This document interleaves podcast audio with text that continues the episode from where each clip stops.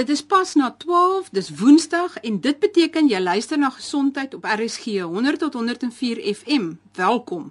Ek is Marie Hudson en ons gesels vandag oor hartsiektes met die klem op hartvaskiektes en vroue.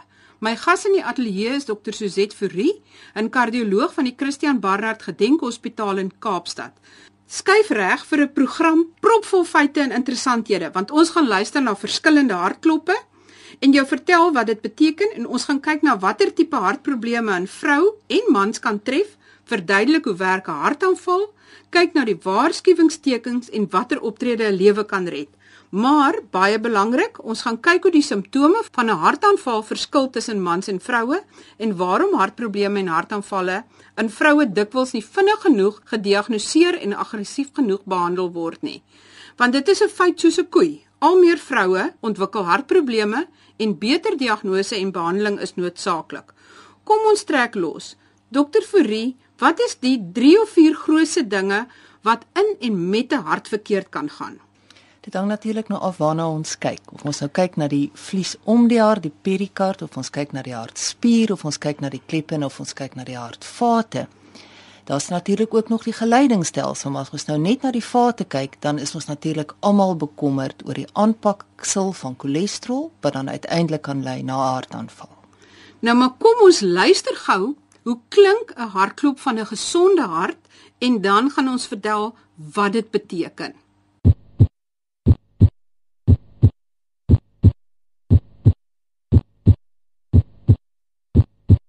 Ons hoor die lip dip lip dip Wat veroorsaak daai klanke? Ons noem dit in medisyne die eerste en die tweede klank en dit word veroorsaak deur die toemaak, die sluiting van die kleppe. Die eerste klank word veroorsaak deur die sluiting van die mitraal en die tricuspidaalklep en die tweede klank word dan veroorsaak deur die sluiting van die aorta en die pulmonale klep. Wat jy in werklikheid hoor is die toegaan van die kleppe, die sluiting van die kleppe self wat dan die geluid veroorsaak. Kom ons luister net vinnig weer.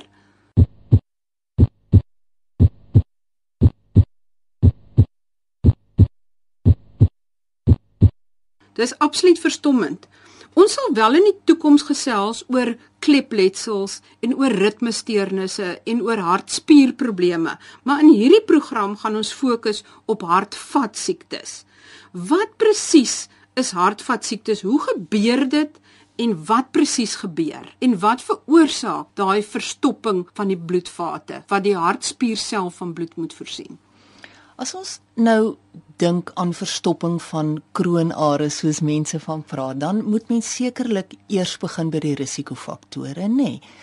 Wat plaas 'n pasiënt op risiko om wel hierdie verstopping te kry? En dan is dit die algemene goed wat ons almal van weet. Dis rook, hoë bloeddruk, cholesterol, diabetes of suikersiekte en dan baie belangrik, veral in Suid-Afrika, is 'n familiegeskiedenis van mense wat prematuur sterf aan 'n hartaanval of 'n beroerte. Ook baie belangrik en weer eens veral in Suid-Afrika is oormassa en fisiese onaktiwiteit.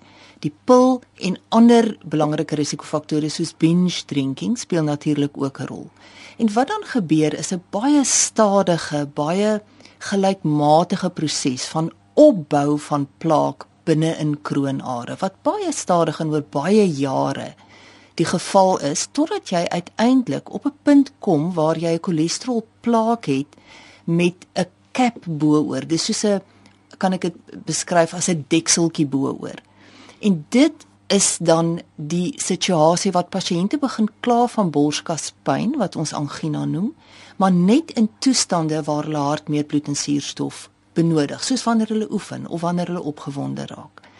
Maar as daar 'n gebeurtenis plaasvind, 'n insident, sodat hierdie verbreuse dekseltjie, as ons dit maar so kan noem, bo oor die plaak skeur en die binnekant van hierdie plaak word nou aan bloed blootgestel, dan kry ons die situasie dat die bloed begin stol bo op hierdie geskeurde dekseltjie van die cholesterolplaak. Dit veroorsaak dan die verstopping binne in die aard, die totale verstopping en dit lei dan na die situasie waar die hartspier absoluut geen bloed en suurstof kry nie en dit is dan die gevreesde hartaanval. Ek het elders gelees dat teen amper teen 20 jarige ouderdom is jou vate al 'n persentasie toe en teen 50 jaar is dit al verstommend meer toe as wat baie mense dink. So dit bewys dat dit 'n langdurige proses is. As daai plaak nou oopbreek en die afsluiting vind plaas, Is jy dan onmiddellik dood of duur dit 'n paar minute? Kan jy dalk daai proses vir ons beskryf? Jy sien nou maar reg Marie, in die patologie handboeke sê die ouens dat hier van die ouderdom van 12 na 16 jaar reeds kry mens cholesterol aanpaksel in die groot vate soos in die aorta. So dit is so dat selfs van baie jong ouderdom af begin hierdie proses. Dit is 'n baie langsame en 'n tydsame proses. En as ons nou by 'n akute insident kom waar jy nou die werklike afsluiting kry, dan is die meeste mense nie onmiddellik dood nie. Mens moet net onthou dat dit afhang van waar die afsluiting in die are is. As die afsluiting baie proksimaal is, dit wil sê 'n massiewe hoeveelheid spier verloor nou bloed en suurstof, dan kan dit natuurlik katastrofaal wees en daai pasiënte val nie onmiddellik dood omdat hulle 'n groot hoeveelheid spier verloor nie. Hulle val dood omdat hulle dan in 'n onstabiele ritme gaan as gevolg van hierdie massiewe hoeveelheid spier wat skielik nie bloed en suurstof kry nie. Begin hulle fibrilleer en dis die ouens wat ons mos altyd hoor wat net skielik uit 'n karre klim en net daar dood neerval of die agus ry en net daar dood neerval. So gewoonlik is ouens nie onmiddellik dood nie behalwe as hulle nou so massiewe hoeveelheid spier skielik verloor en hulle fibrilleer. Gewoonlik kry hulle pyn, hulle kry al die waarskuwingstekens waaroor ons sekerlik gaan praat en hulle het tyd om by 'n uh, inrigting te kom, maar dit is natuurlik absoluut essensieel belangrik dat dit so gou as moontlik is. Wat is daai waarskuwingstekens? Hoe lyk dit in 'n man en is dit anders in 'n vrou of nie? Die simptome verskil nogal baie en dis nogal baie interessant. As ons net eers kyk na die tipiese goed, kom ons praat dan van 'n man, want die man is mos die tipiese dier in ons samelewing. Hulle kla gewoonlik van borskaspyn en in 'n man is die simptome baie betroubaar, baie tipies sentrale borskaspyn en die pasiënte sê vir jou dit voel of 'n olifant of 'n groot gewig op hulle borskas te sit. So hulle kla van 'n drukkende of 'n brandende sentrale borskaspyn, maar ons moet maar onthou daai pyn kan enige plek heen gaan. Hy kan van die borskas opgaan in die keel, die kake, die tande, die ore, die skouers, na die rug toe, af in die arms, selfs natuurlik tot in die hande.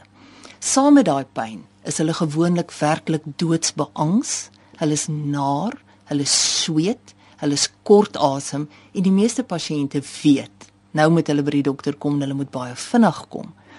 Vrouens daarenteen is nogal baie interessant. In die eerste plek is vrouens vreeslik geneig om hulle simptome te onderbeklemtoon. En ek is seker dis omdat hulle maar bang is natuurlik soos alle mense vir die uitslag van toetse, maar dis ook omdat vrouens so geneig is om altyd mos hulle families eerste te stel. So as jy vir 'n dame sê, mevrou, ons gaan jou nou in die hospitaal opneem, dan sê hulle die eerste ding wat hulle sê is, nee dokter, ek kan nie want my man kan nie ontbyt kook nie of hoe gaan my kind by die skool kom of hoe gaan my dogter se kleindogtertjie aangetrek word môreoggend. So hulle dink altyd aan hulle families. Maar vrouens is minder geneig om borskaspyn te kry. Dis nou nie te sê hulle kry nooit borskaspyn nie. Hulle kan natuurlik borskaspyn kry, maar hulle is minder geneig om borskaspyn te kry. En as hulle dan pyn kry, sit hulle pyn gewoonlik bietjie op ander plekke meer in die bobuik, meer in die rug, gewoonlik nie sentraal nie alhoewel hulle natuurlik ook sentrale borskaspyn kan kry. Maar vrouens is meer geneig om van ander simptome te kla. En daai simptome is hierdie ongelooflike, geweldige, onnatuurlike moegheid. Miskien ook kort asemheid, angstigheid, slaapversteuring. En hulle is baie geneig om te sê hulle het nie borspyn nie, hulle het soeibrand. Vrouens is vreeslik geneig om te sê hierdie brandpyn is soeibrand. So hulle simptome is bietjie moeiliker as mans se. Hoe diagnoseer mens dan op die ou end dat dit hartprobleme is? Die belangrike ding is natuurlik maar altyd 'n hoë indeks van suspisie. En dis natuurlik een van die groot probleme hoekom vrouens so laat gediagnoseer word, want ons almal het die persepsie dat hartvaskiektes 'n siekte van mans in die westerse beskawing is, wat natuurlik lankal nie meer so is nie maar 'n hoë indeks van suspisie is absoluut belangrik as 'n vrou by jou kom met 'n onnatuurlike moegheid, 'n onnatuurlike algemene swakheid, 'n skielike kort asemheid. Sy sê uh, vrouens is so geneig om te sê dokter weet jy ek is nie lus om iets te doen nie. Dan moet jy regtig regop sit en aandag gee en gaan soek vir 'n rede daarvan en onthou natuurlik altyd die agtergrond van die risikofaktore. As jy 'n dame het wat rook, wat lank op die pil was, wat hipertensie het, wat diabetes het, wat 'n familiegeskiedenis het, wat dalk oor massa en onaktief is, dan is dit die eerste ding waaraan jy moet dink as 'n dame kom klaar van 'n onnatuurlike moegheid en 'n algemene swakheid. Neem hartprobleme onder vroue toe of is ons maar net meer bewus daarvan of wat is die situasie? Ek dink dit is 'n kombinasie van al twee. Ons is definitief meer bewus daarvan en dis natuurlik 'n wonderlike ding en dis hoekom praatjies soos hierdie so absoluut essensieel nodig is. Maar definitief is die insidensie van hartsiektes onder vroue besig om toe te neem. En dit dink ek hang saam met die feit dat meer dames rook. Meer dames is besig met binge drinking en natuurlik word meer dames aan meer stres blootgestel as in die tradisionele rolle van vroeër. Ons gesels nou verder oor watter middels gebruik kan word en watter moontlike behandelingsstappe daar kan volg en wat pasiënte of mense verder kan doen om hartvaskiektes te voorkom. Die pasiënt het nou 'n hartaanval gekry. Hy het nou so vinnig as moontlik by die sy by die hospitaal opgedaag. Wat nou? Is daar iets wat mens kan doen om die skade te beperk? Ek dink die heel belangrikste ding as ons praat van 'n akute insident soos 'n hartaanval is die deeltjie van by die hospitaal kom. Dis absoluut essensieel en dis hoekom dit so belangrik is dat die publiek moet weet wat die simptome is. Hulle moenie dink hierdie snaakse brand in my borskas wat hier na my kake en my ore toe gaan is die curry pastai wat ek 'n uur gelede geëet het nie. Hulle moet absoluut bedag wees op hulle risikoprofiel. En hulle moet seker wees as hierdie simptome kom dat hulle onmiddellik by mediese sorg moet kom en ek bedoel regtig onmiddellik. Die rede is in kardiologie praat ons van die goue uur. En in daai uur, die eerste uur van die aanvangs van simptome is absoluut kardinaal, want dis die uur wanneer jy die meeste spier kan red. Ons moet onthou hartaanval is dan nou spier wat bedreig word omdat hy nie bloed en suurstof kry nie. So hoe vinniger daai obstruksie opgehef word, hoe meer spier word uit die aard van die saak gered. En in ons land met die geweldige afstande tussen hospitale en geweldige afstande wat pasiënte van hospitale af bly, is dit essensieel om te weet, nie net waar jou hospitaal na, naaste hospitaal is nie, maar waar jou naaste hospitaal met 'n kateter laboratorium is. Dit wil sê dit maak nie saak of jy langs hospitaal X bly nie, as daai hospitaal nie 'n harteenheid het nie, dan is dit nie die plek waartoe jy moet gaan nie. Die plek waartoe jy moet gaan is die naaste hospitaal met 'n harteenheid, want in baie gevalle is dit nog vinnig genoeg dat dat ons 'n pasiënt onmiddellik na ons kateter laboratorium toe kan gaan en dan die aar probeer manueel oopmaak. Goed. So ons besluit of ons besef die belangrikste ding is om onmiddellik by die regte hospitaal aan te kom. Daar is ons hele motivering natuurlik dan nou om soveel as moontlik spier te red. Die eerste ding is natuurlik pasiënt moet veilig wees. Die tweede ding is dan om soveel as moontlik spier te red. So die heel eerste ding wat selfs ons vir 'n pasiënt gee is natuurlik aspirien, nê, nee, want ons weet mos nou 'n hartaanval word veroorsaak. Die finale insident is dan daai stolsel wat bo op 'n plaak begin ontwikkel. So jy wil die stolsel oplos. Ons moet die stolsel wegkry sodat daar net weer vloei kan wees. Dis die heel belangrikste ding. So 'n aspirien onmiddellik is die heel belangrikste ding. As 'n pasiënt dan vinnig genoeg by ons kan kom, probeer ons altyd om die stolsel manueel te verwyder. En hoe ons dit doen is ons vat die pasiënt na ons angiogramteater toe. Ons doen 'n angiogram, ons identifiseer die blokkade en ons probeer 'n baie dun, sagte draadjie deur die stolsel te sit om die stolsel manueel weg te stoot en as ons kan stent ons dan die arterie en dan is die probleem opgelos. As die pasiënt te laat vir 'n manuele prosedure by ons uitkom, dan gee ons vir hom intraveneuse medikasie wat dieselfde doel moet dien, weer eens om stolsel op te los. Maar soos jy kan sien, alles gaan daaroor om die stolsel weg te kry en om weer vloei te bewerkstellig sodat die hartspier gered kan word. Hoekom spuit mense nie van die begin af intraveneus die antistolmiddel nie? Jy kan dit natuurlik doen, maar dit hang van tyd af. Uit die literatuur is dit baie duidelik dat as 'n pasiënt binne 90 minute van die aanvang van pyn op die tafel in die kateter laboratorium kan wees doen daai pasiënte baie beter met 'n manuele prosedure. Dit wil sê die manuele verwydering wegstoot van die stolsel en dan 'n stent as jy kan. Met die draadjie wat deur die lies tot in die hart gedoen en tot by die presiese blokkade obstruksie, tot by die presiese obstruksie en dan 'n stent as jy kan, want dan is jou probleem vir daai spesifieke obstruksie natuurlik uitgesorteer. As 'n pasiënt langer as 90 minute van die aanvang van pyn by ons opdaag, dan verkies ons hierdie middels wat stolsel kan oplos. En ons moet net altyd onthou dat hierdie middels het natuurlik ook 'n inherente gevaar, nê. Nee, Veral as pasiënte, kyk ons moet ook aanvaar hierdie pasiënte wat hartaanvalle kry, mos nou nie gesonde jong ouens vir al buite rondhardloop nie, nê. Nee. Hulle het komorbiditeite. So baie van hierdie pasiënte het onderliggende diabetes, hipertensie. Hulle is gewoonlik geneig om bietjie ouer te wees.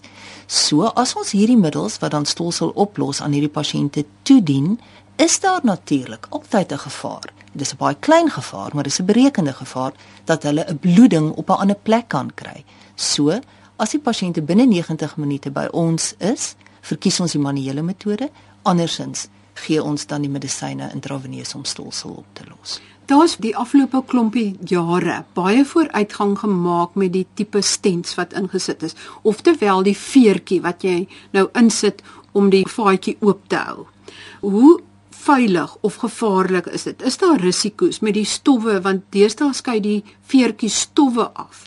Is dit gevaarlik of is dit baie veilig? Marie is baie goed ingelig en ek hoop die publiek is net so goed ingelig. Dit is so. Daar's twee tipes veertjies of stents. Die een is wat ons noem 'n bare metal stent, wat beteken dit is net die metaal en daar's geen middel op nie. En die ander een is dan 'n drug eluting stent wat nou wel die middel op het wat oor 'n beperkte tyd vrygestel word. Die verskil tussen die twee is dat die bare metal stent is nou net die gewone metaal en die drug eluting stent het dan 'n middel op wat ons weet wat herstenose, 'n weer toegang van die aar inhibeer. Hierdie middel word net vir 'n beperkte tyd vrygestel in die bloed. Dis tussen 14 en 28 dae, dan is al die medisyne van die stent vrygestel in die bloed en dan van dan af funksioneer hierdie veertjie dan net soos 'n gewone metaalveertjie.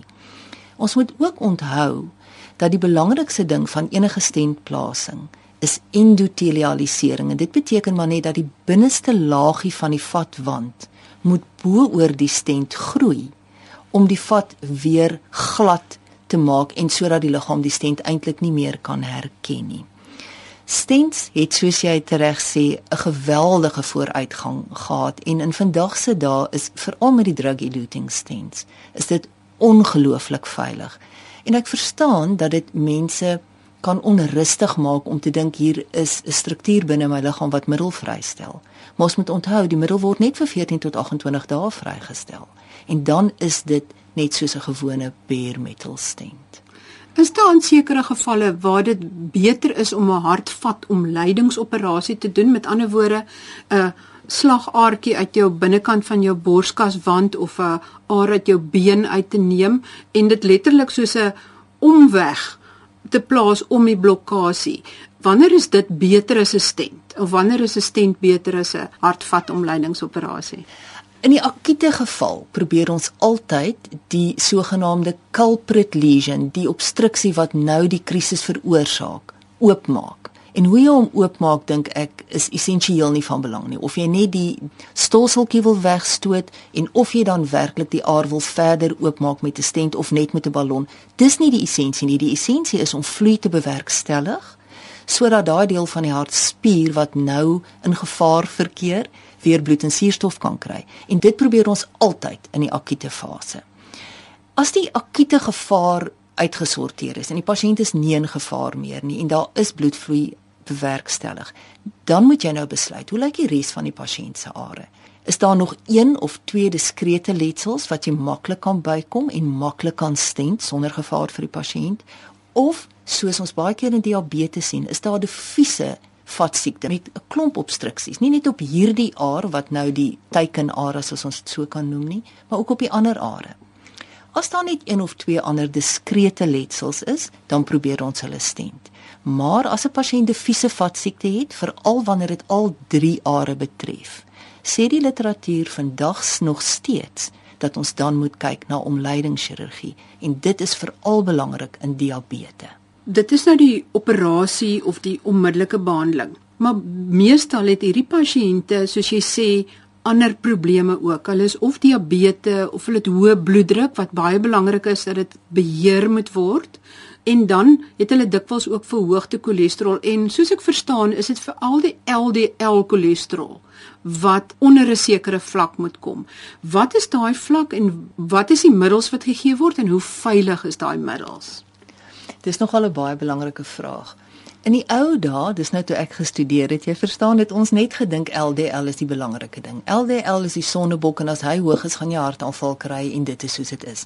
Met die nuutste literatuur sien ons nou baie duidelik dat dit nie so is nie. Trigliseriede en trigliseriedvlakke word al hoe meer belangrik veral in diabetes en veral in dames. En dan ook die HDL vlak, die sogenaamde goeie cholesterol of die beskermende cholesterol. Ons sien baie keer dat pasiënte wat hartaanvalle gehad het, sy LDL nie so ontstellend hoog is nie. Hulle trigliseriede is ook nie so ontstellend hoog nie, maar hulle HDL is so ontstellend laag. So, in vandag se dae kyk ons nie meer eintlik net na totale cholesterol nie. Ons kyk na LDL, ons kyk na trigliseriede en ons kyk na HDL en elkeen van daai moet apart aangespreek word. Die middels wat mees algemeen gebruik word in vandag se dae vir hiperlipidemie of cholesterolprobleme is en bly die statiene. Maar dit is natuurlik so dat as jy spesifiek 'n trigliseriedprobleme dan gaan ons of 'n statien kombineer met 'n ander middel wat ons 'n fibraat noem of in sekere gevalle selfs vir pasiënt net 'n fibraat gee. En as dit net die HDL is, dan sal ons weer eens 'n statien gee, is 'n baie spesifieke statien, maar daai pasiënte sal ook absoluut aangemoedig word om gewig te verloor, definitief op te hou rook en veral te oefen. Dit is sodat vrouens en veral menstruerende vrouens met hormoonvlakke 'n natuurlik hoër HDL vlak het as mans en is een van die redes hoekom dames in hulle reproduktiewe jare relatief meer beskermd is teen vatsiekte as mans. En oor die veiligheid van statiene is daar al geskryf en geskryf en gepraat en gepraat. En pasiënte is baie keer geweldig teesinnig om statiene te gebruik want almal het 'n buurman en 'n buurvrou en 'n niggie wat die pille gebruik en hulle kan nie uit die stoel uit opstaan nie want hulle litte is so styf. En dit is so dat die statiene wel neeweffekte het soos ongelukkig enige ander medikasie op op die mark en enige ander medikasie wat ons gebruik het tog ook 'n neeweffek saam met 'n effek. Maar ons weet dat statiene in die geskiedenis die middels is waarop die meeste veiligheidsdata beskikbaar is. En as daar een ding is wat staan soos 'n paal bo water, is dit dat die statiene veilig is. Dit kan 'n hartaanval voorkom. Dit kan versekerde hartaanval en hartblokkade voorkom. Ek dink die algemene persepsie by die publiek is baie keer dat mense onnodig op statiene is en dit mag so wees want ek dink in vandag se dae kyk mense nie net meer na 'n cholesterol vlak en skryf 'n statien voor nie. Ons probeer 'n pasiënt se volledige risiko bereken en op daai manier vir hom verduidelik hoekom hy 'n statien behoort te gebruik of dit nie nodig is nie.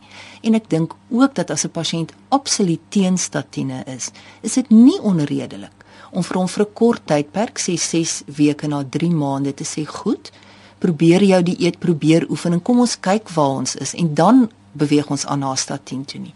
Maar in die een geval geval waar ons dit glad nie kan doen nie, is natuurlik sekondêre voorkoming.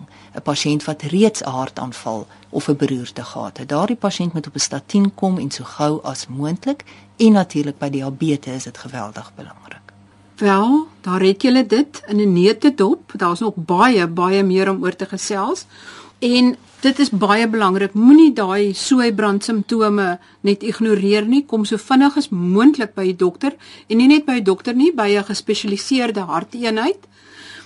As dit kan, hou asseblief op met rook as jy op die pil is. Laat jou bloeddruk meet, jou cholesterol en alles en laat daai hart lekker warm klop. Op die webblad www.rsg.co.za kan jy gaan kyk na 'n video om te wys presies hoe werk 'n hartaanval en jy kan ook daar weer na die hartklop gaan luister. Stuur gerus vir my 'n e-pos met voorstelle vir volgende programme by gesond@rsg.co.za. Tot volgende week. Totsiens.